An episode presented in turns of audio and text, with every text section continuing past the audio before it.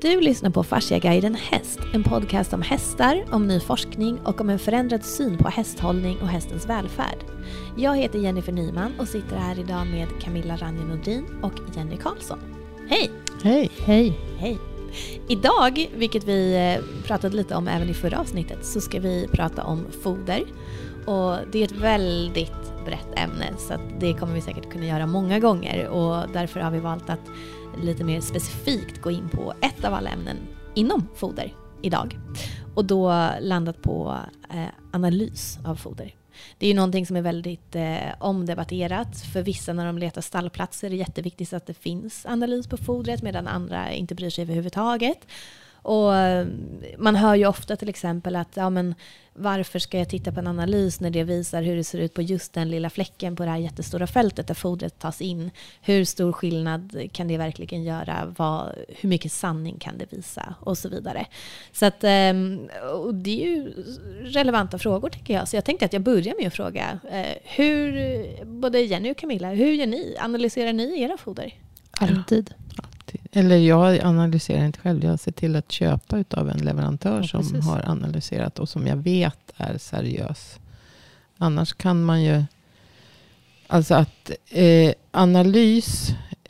Eh, man ska ju vara säker på att det är något sån här rätt utförd analys. Så att säga. För att en analys bör man ju egentligen eh, ta eh, antingen så, alltså per fält. Och då ska man inte bara ta på ett ställe. Utan man tar ett antal prov på olika eh, samlingsprov på olika, eh, eller olika prov på samma fält. Och sen ett samlingsprov då av det. Man tar lite från olika ställen på eh, fältet. Ja, precis. Lite från olika ställen. Och då är ju det smartaste, det är ju att eh, ofta så gör, gör de ju så då att de tar i samband med skörden.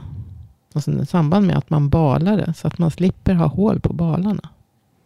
För har du, alltså nu pratar vi hösilage. Inte hö. Utan hösilage. Som alltså är, måste vara syrefritt inpackat, inplastat. Och då är det kinkigt att, att eh, ska man ta eh, prov på färdiga balar. Då måste man, man måste använda sig av en, en borr så att säga. Som man liksom gör ett hål och sticker in så man får djupt in i balen. Och gör ett minimalt hål och sen ska man använda en specialplast när man inte silvertejp. Som jag har sett att många gör. Det håller inte. Utan det ska, vara, det ska gå väldigt fort. Ett minimalt hål för att få ut ett, alltså en, en höborr. För att få ut liksom ett, ett, ett litet prov. Och sen så direkt tejpa igen det med en specialtejp för, som alltså är för ändamålet. Ska det här då göras på varje bal? Inte på varje bal, men det bör göras på ett antal balar ifrån samma fält. Och sen när man byter fält så, bör, så ska det ju tas ny analys från det fältet. För att analysen är väldigt, dels är det ju jordmån och alltså vad det är för grässorter, men framförallt jordmån, vad, vad jorden innehåller. Sen är det ju då skördedatum. Alltså det, du hinner inte skörda allt på, samtidigt. Så du kan inte ha en analys ifrån alla skördar. Så att säga. Därför att när det är slaget, då slutar det ju ta upp näring. Ifrån jorden. Så att den dagen du slår. Om du slår idag på ett fält och i övermorgon eller imorgon på ett annat fält. Alltså, värdena kan diffa väldigt mycket. Dels beroende på fältets jordmån som jag sa. Men även alltså skördetid. Och det här gäller ju då. Alltså man eh, ska ju då analysera för energi och protein. Smältbart protein. Och då se till att det blir för häst. Eh, och energi och sen även mineralanalyser. Och det blir jag väldigt irriterad över. Eftersom jag hjälper en hel del kunder med att räkna foderstater. Och ofta så, så har, kommer de med en analys som bara är energi och protein. Och så, men mineralerna då? Nej, men det hade de inte tagit.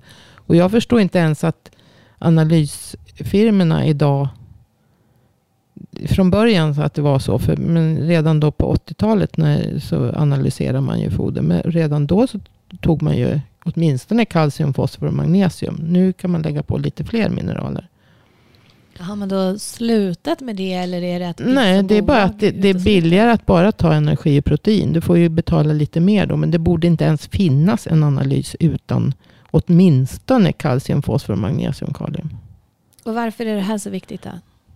Därför att kalcium, fosforkvoten och magnesiuminnehållet, eh, kalium brukar ofta vara ganska högt. Men, men eh, är kalcium, fosfor och magnesium är jätteviktigt att det finns. Alltså, du kan inte lägga till en, mineral, ett mineralfoder och veta att det blir rätt balans eller att hästen får tillräckligt om du inte vet vad grovfodret innehåller, innehåller för mineraler och mängder.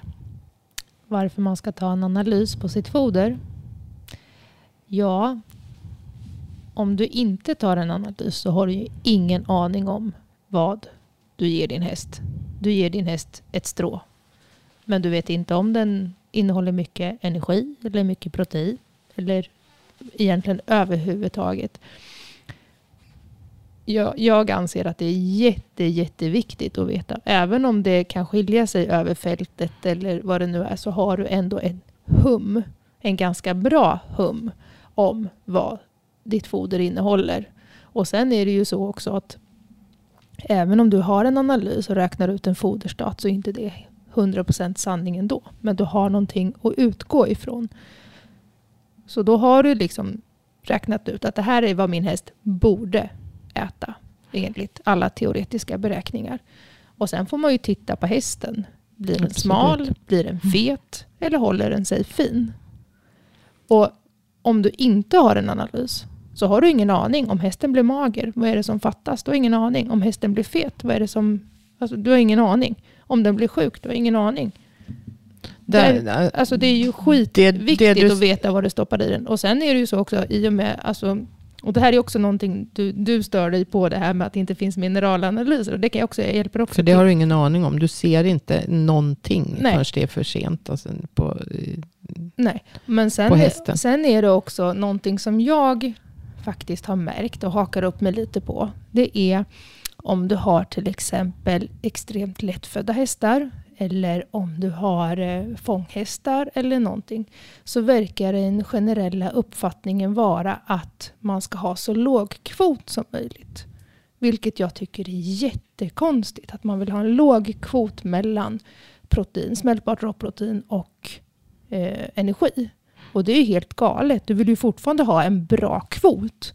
Men du kanske vill att det ska innehålla lite mindre utav vissa saker. Men kvoten, balansen däremellan måste ju fortfarande vara bra. Mm.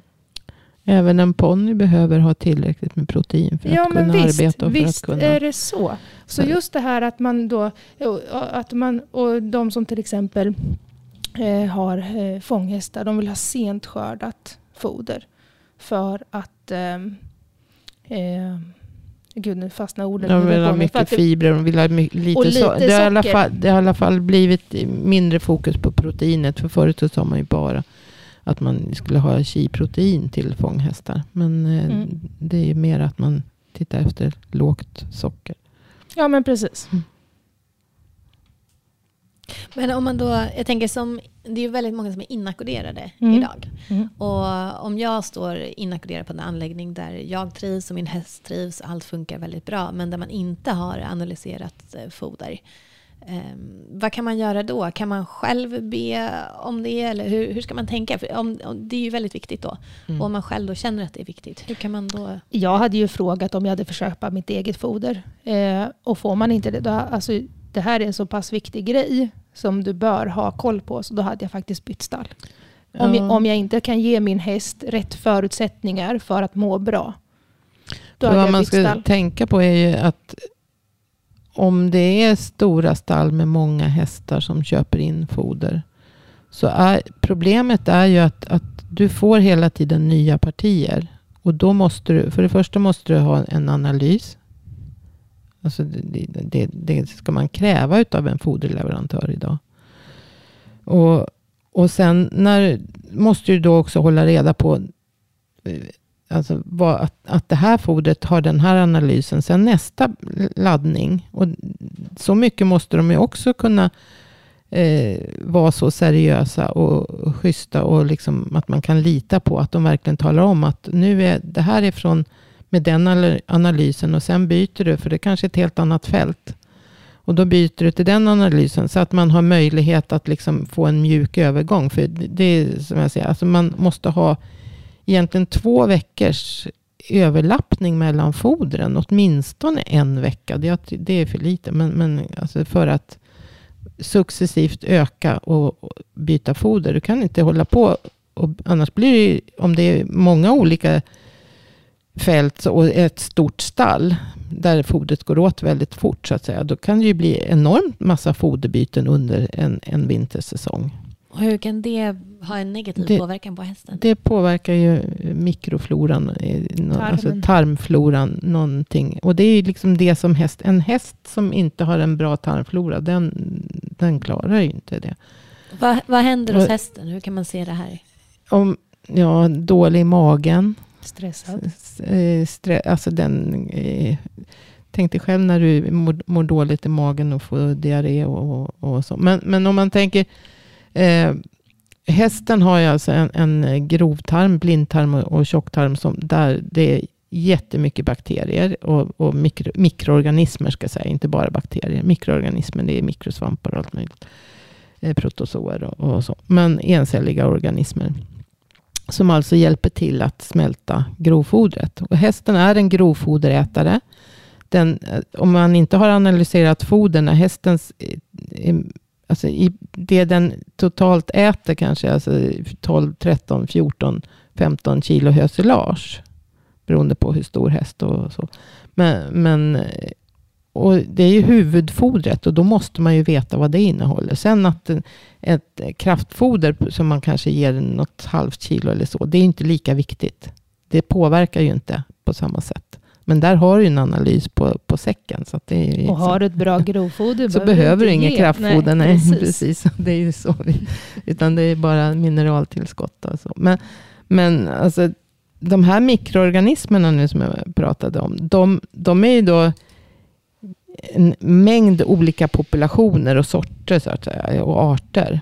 Och de har specificerat, eller specialiserat sig på olika typer av eh, näring eller olika typer av eh, grässorter. Eller liksom, så att, eh, några gör en sak och några gör en annan sak. Och sen är det så att man helt plötsligt eh, ändrar på sammansättningen på fodret.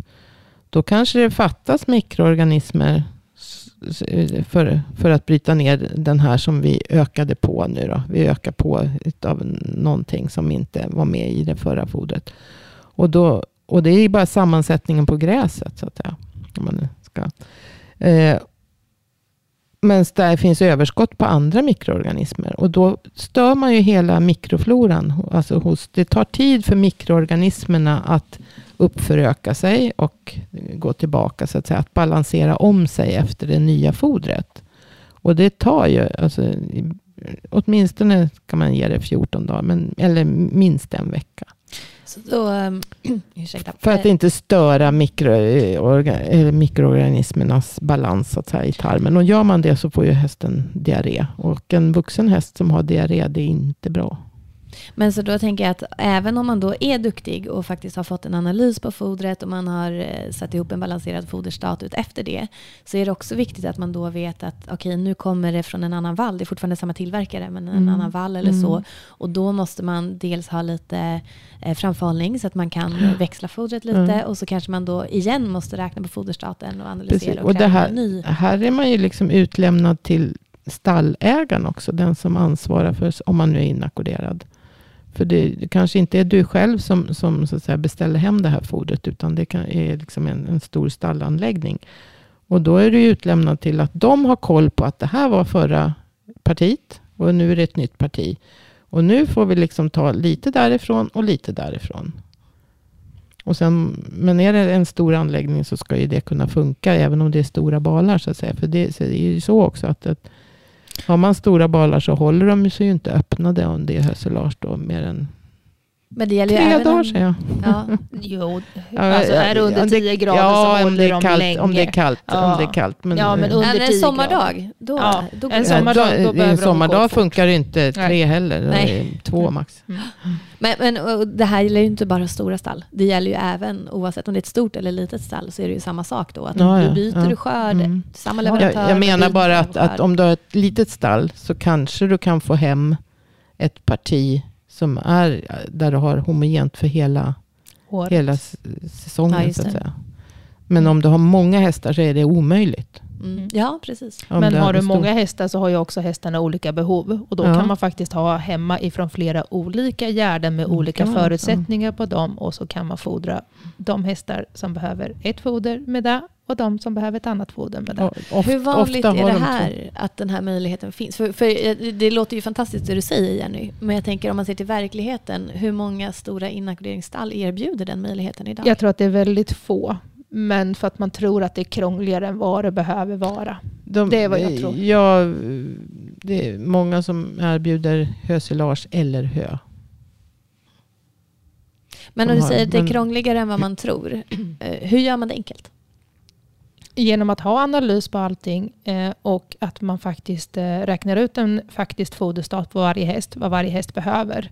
Eh, då vet man ju ganska klart vilket hö som just den hästen behöver. Eh, och säg att, ehm, sen är det lite beroende på hur stort det är, hur många balar du behöver, men säg att du behöver alltså rent antalsmässigt från tre olika gärden. Och då har du ju säkert, med största sannolikhet, har du ju hästar som behöver tre olika foder. Alltså den sammansättning på hästar som finns i det stallet. Och då är det ju inte svårare faktiskt att man har tre balar öppnade ifrån eh, de tre olika foderstaterna helt enkelt. Och har man så många hästar då kommer ju det gå åt lika, lika fort. Det kommer inte gå åt långsammare för att du har tre öppnade än att du har en öppen egentligen. Så det kanske bara är de varma sommardagarna som det ställer till problem i så fall? Ja, då? absolut. Och de varma sommardagarna då kanske man behöver överväga att gå över på torrhö. Eller ha mindre, Eller- mindre storlekar på balarna. Ja, det kan man Så- också ha. Mm. Det finns ju faktiskt idag väldigt fina små balar Ja. på 40 kilo. Jo, men det, finns, alltså, det finns väldigt många eh, grovfoderleverantörer idag som, eh, som verkligen liksom är, är måna om och, och Ja, köper man utav en seriös foderleverantör så finns det både valmöjlighet på eh, vad du vill att Ja. höet ska innehålla och storleken på Ja, balarna. precis. och Att du- formen på balarna också. Så att de tar, du, har, du kan välja avelskvalitet eller tävlingskvalitet eller bara vanlig Ridhäst. rid, inom Mm. citationstecken, Ja. ridhäst. Då. Och sen Eh, och även andra eh, då för ja, fånghästar och så. Men, men jag skulle vilja säga också att det är inte bara den aspekten om hur hästen mår genom foderbyten utan en ganska stor ekonomisk aspe- aspekt att veta vad är du stoppar i hästen. Idag så är vi väldigt, väldigt snabba på att ge hästen både kraftfoder och olika tillskott Mm. utan egentligen veta vad de gör i kroppen och ifall de faktiskt har ett behov utav just det.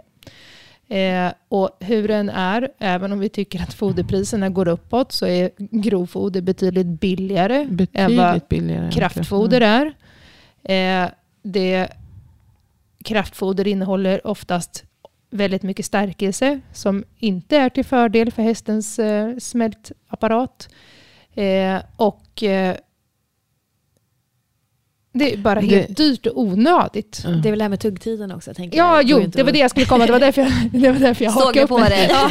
Jo, men det är ju det. För att jag menar, hästen är ju liksom födosökare. Det är det de gör. De tillbringar sin största del av varje dygn till att leta föda. Det är det de ska göra. Om du då har ett foder som inte alls är anpassat till den här hästen.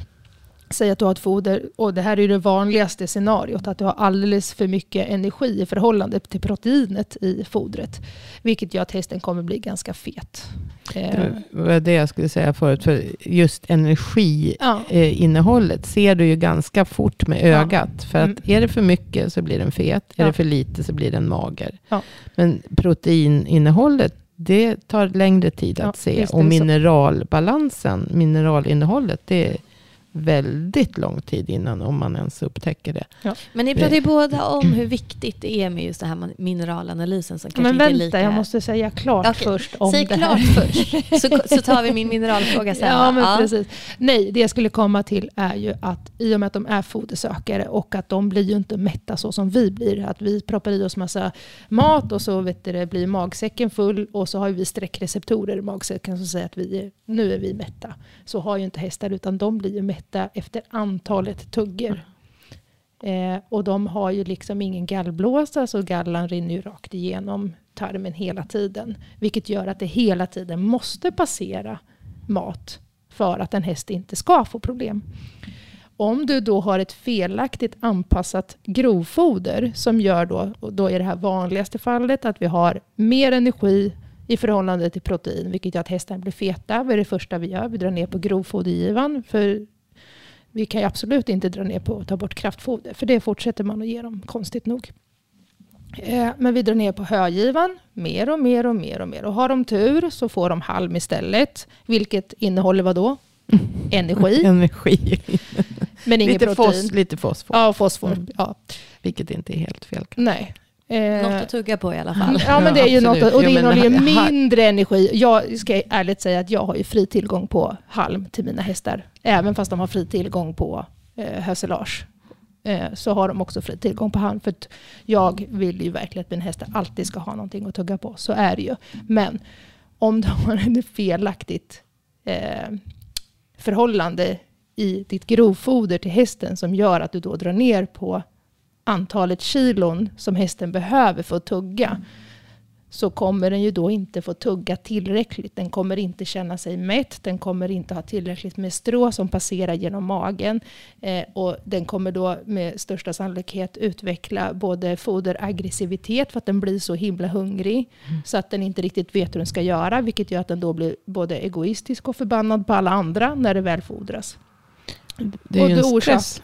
Det blir en jättestress. Du, det är grunt i magsår. Det är ju liksom... Ja, det blir helt kajko helt enkelt. Så att ett väl ett analyserat foder som är anpassat för den individen du ska fodra. Så att det behöver inte vara ett foder som är liksom, har skyhöga eh, protein och energivärden om du har en häst som inte behöver det. Men kvoten ska vara välbalanserad och den ska vara anpassad till den individen du ska fodra så att den får rätt. Det kan vara en fördel, fördel att det är lägre värden. Precis. För att den kan då äta mer. Exakt. Det jag menar, annars så blir det ju så att den blir fet på en ganska liten giva om du har för bra Mm. grovfoder. Ja. Och vi Och det- har ju liksom också fått, alltså vi har ju vallar som, som eh, producerar väldigt bra och foder och så skördar man tidigt. Då får man kanske för bra värden Ja, så att säga för precis. den normala hästen. Mm. Men för ett avelsstol och föl och unghästar Mm. så eh, funkar det ju. Men, så det måste man ju också tänka på. Så det är skitviktigt. Tuggtiden, eh, Ja. om, det, den är ju uppenbarligen väldigt, väldigt viktig. Jätteviktigt. Och om man då tänker generellt i stall så fodrar man ju ett antal gånger per dag för att det Mm. inte ska gå för lång tid emellan, vilket Mm. ju är helt rätt tänkt då. Mm. Men mellan kväll och morgon, Så går det väldigt många timmar. om hästen står på box. Eh, För många, många stänger stallen så tidigt. Ja, och vad är då, när börjar det här ha en negativ eh, inverkan på hästen? Hur ofta bör man egentligen då dygnet runt fodra eller hur lång tid? En häst bör inte gå utan strå mer än fyra timmar. Så hur löser man det här? Ja, idag finns det jättemånga. Antingen så får man ju fysiskt gå dit och fodra dem sent. Eh, eller så får man eh, eh, ha fri tillgång. Eller så finns det faktiskt jättefina system med sina foderautomater. Problemet är att du kan inte mm, få dem att ge. Ja, det finns ju dy, väldigt dyra foderautomatsystem som liksom kan öppna och stänga. Alltså att nu är det stopp. Och Fast så, det är ju lådor Men- som öppnar. ja, men precis. Men då kan du inte få en till. Utan Jo, du, det finns, jag tror att det finns att det eh, upp finns- till två eller tre stycken. Att det, det att det är samma låda. höautomater. Okej. Mm. Men då är vi inne på återigen då en del av hästägnings, Mm. äh, hästägarbefolkningen, eller vad man ska Mm. kalla det, som faktiskt har egna stall och eventuellt då möjlighet att göra investeringar i sitt stall. Ja. Eh, återigen som inackorderad. Mm.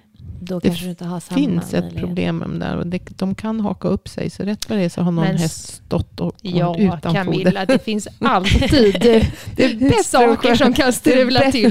Det är bättre att, att gå ut sent. Och, antingen ska de gå ute med höhäck med lösdrift. Men, men om man inte har det så får man gå ut sent och ge dem en stor giva så att de klarar sig. Ja. Så att det är viktigt att de får mycket sent. Mm. Den största eh, fodergivaren ska vara på kvällen. Nu känner jag att jag kanske går in på något helt annat här som kanske ni går igång på. Men då tänker jag så här, okej, det finns ju hästar som kastar i sig mat även om de då får mycket. Och, och då tänker jag, då är det många som sätter in hönät. Mm.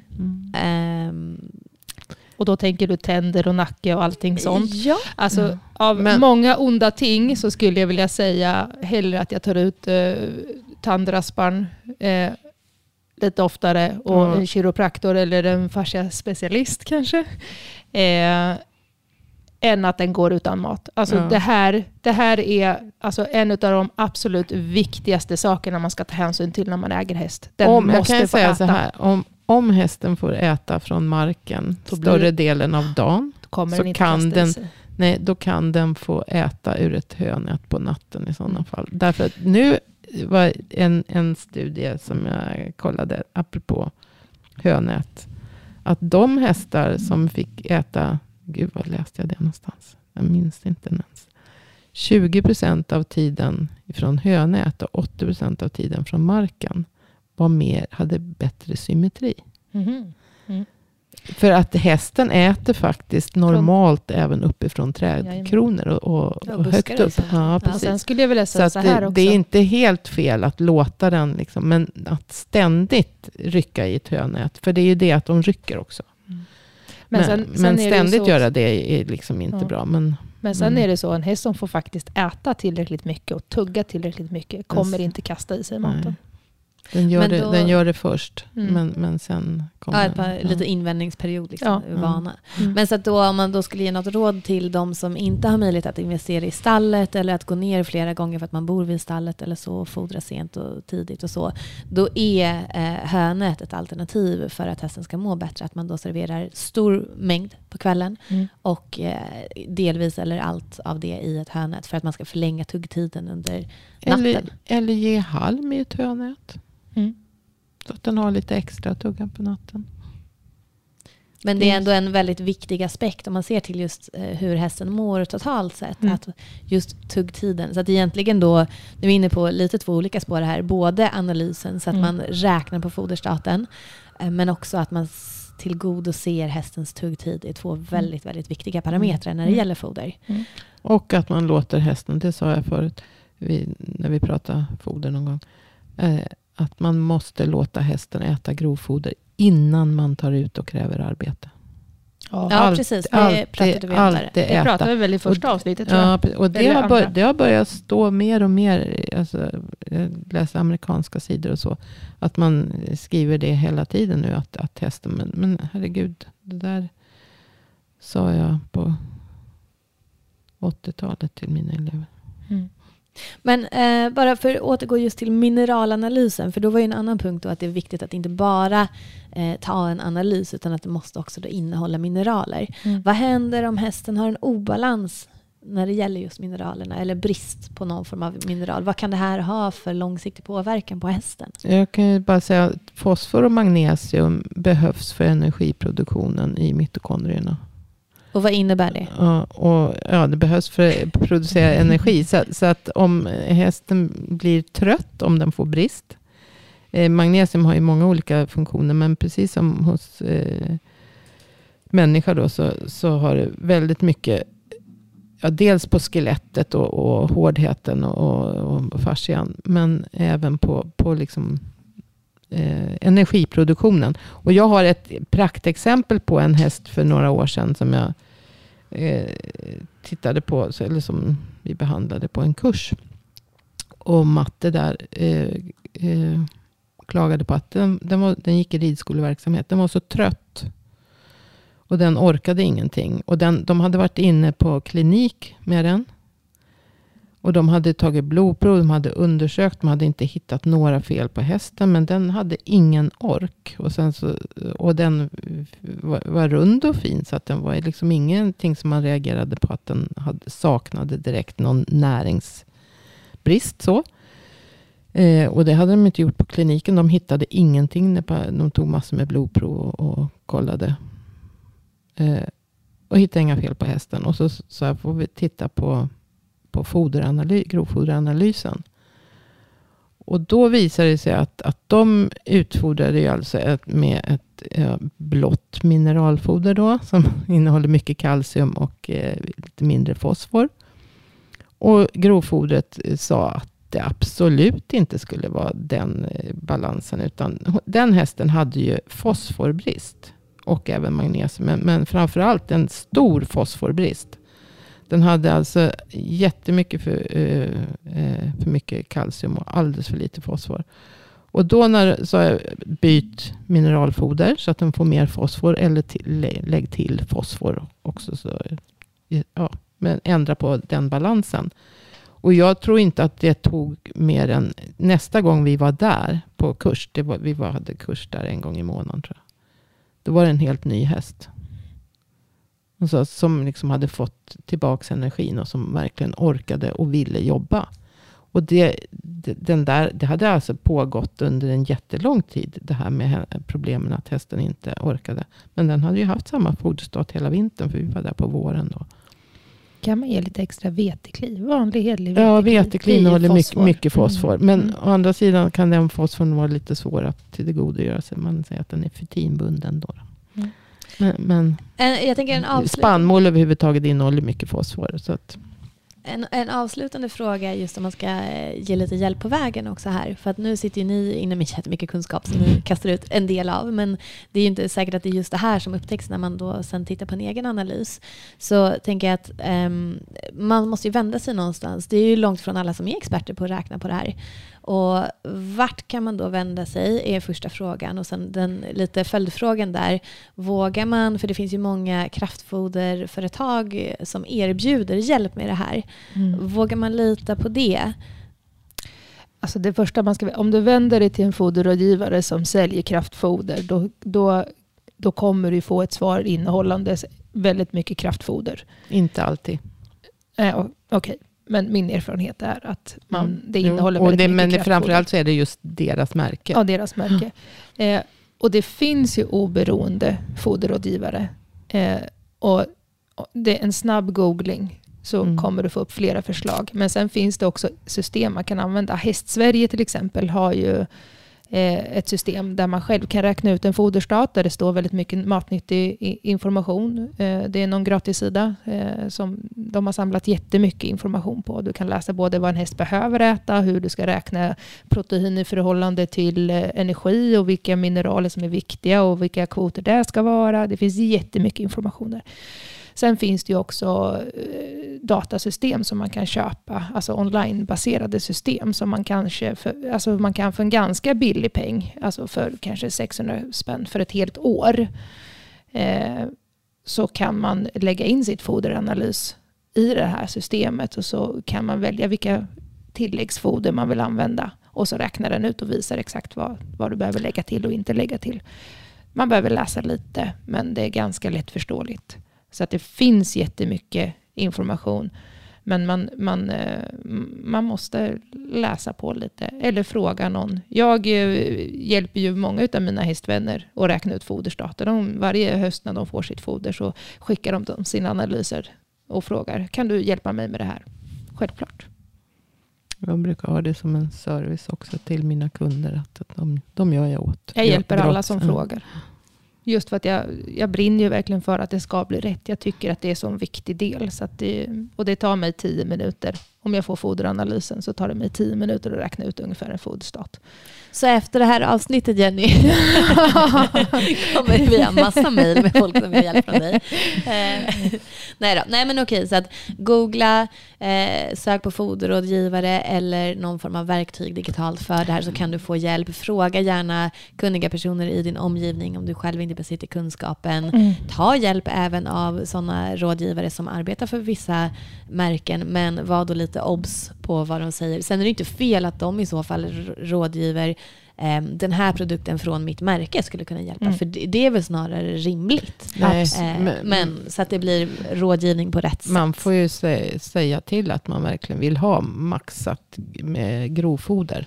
Mm. Och det, om, om de inte Precis. gör så själva. Och, och framförallt våga tacka nej till ett foder med dåliga värden. Mm. Även om du står inackorderad hos någon som bara tänker köpa en. Då är, alltså, det är så... Om fler ställde krav på rätt foder till sina hästar inackorderat så skulle ju stallägarna tvingas leta reda på bättre foder. Sen är det ju så att vissa år så, så blir det sämre Så värden. är det. Och värdena Absolut. är inte det absolut viktigaste. Utan det absolut viktigaste är den hygieniska kvaliteten. Mm, absolut. För det kan du inte göra någonting åt. Och en död hygienisk kvalitet, det tar död på mikroorganismerna i, i tarmen för hästen direkt. Och, och ger jättemycket problem. Mm. Så att, eh, ett dåligt näringsvärde, det går att korrigera. Det blir Mm. dyrare därför att då måste du komplettera Mm. med massa tillskott och, och, och kraftfoder. Men du måste ju veta vad Mm. du ska komplettera med. Så du måste ju veta. Det, egentligen så är det ju bara proteinkoncentrat som, och mineraler som är viktigt att, att ha eh, som Mm. tillskott så att säga. För energin bör man kunna få med i sig med, eller få i hästen. Ja, med, energi får du i oavsett egentligen vad alltså du det fodrar. bara, det, Mm. För då, det är ju, då får du utfodra mer. Men sen är det visst tävlingshästar som presterar mycket kanske kan ha svårt att få i sig. Så att du måste ha en högre energi. Mm. Då pratar vi tävlingshästar Då på, på hög, hög, ja, Ja. precis. Som gör av med väldigt mycket energi. Just. Så Eh, men den om vi ska- normala hästen behöver man inte. Utan det, det är oftast proteinet som, som brister och, och mineralbalansen. Så att. Yes. Så vi ska skicka med våra lyssnare några viktiga punkter som lite summerar eh, vad vi tycker är viktigt just från det här avsnittet då. Eh, om jag har tolkat det rätt. Så skulle jag säga då att det är viktigt att inte bara ta en analys. För det första är det viktigt att ta en analys. Men också att den innehåller mineraler. Att man ser Mm. mineralanalysen på den. Ehm, att man tar reda på hur analysen är gjord, helst, så att man vet att den är tagen på varje vall och så vidare, som du nämnde Camilla. Och att man vid foderbyten alltid tar en ny analys och helst att de här foderbytena ska ske över 14 dagar, minst 7 dagar. Så att man också då anpassar på nytt hästens foderstat. Och sen också att man ser över hästens tuggtid, att tuggtiden är lika viktig som en analys, att man tar hänsyn även till det. Och sen att man kommer ihåg att det är, man måste hålla koll på hästen. Se hur hästen ser ut. Så att det inte bara är de här siffrorna på pappret. Exakt. Utan det är precis- bara ett Precis som du, det, det är ett, ett, eh, riktvärden, men, men eh, man måste börja någonstans. Men sen måste man hela tiden korrigera. Ser du att hästen faller ur, eller ser du att den blir fet, ja då måste du börja liksom, Ja, då kan man ju inte stå och bara, men, men siffrorna säger Ja, att nej. den inte ska bli tjock. Så Och då vill jag lägga till en sak till. Just det här, om du behöver komplettera med någonting, komplettera med en sak och avvakta några veckor och se vad det gör med hästen. Så att man inte bara börjar laborera fram och tillbaka med olika kosttillskott, eller kosttillskott, med olika tillskott hit och dit och dra från och lägg till. För då har du ingen aning om egentligen vad det var som gjorde förändringen. håll koll på mineralbalansen och ge extra proteintillskott om det behövs.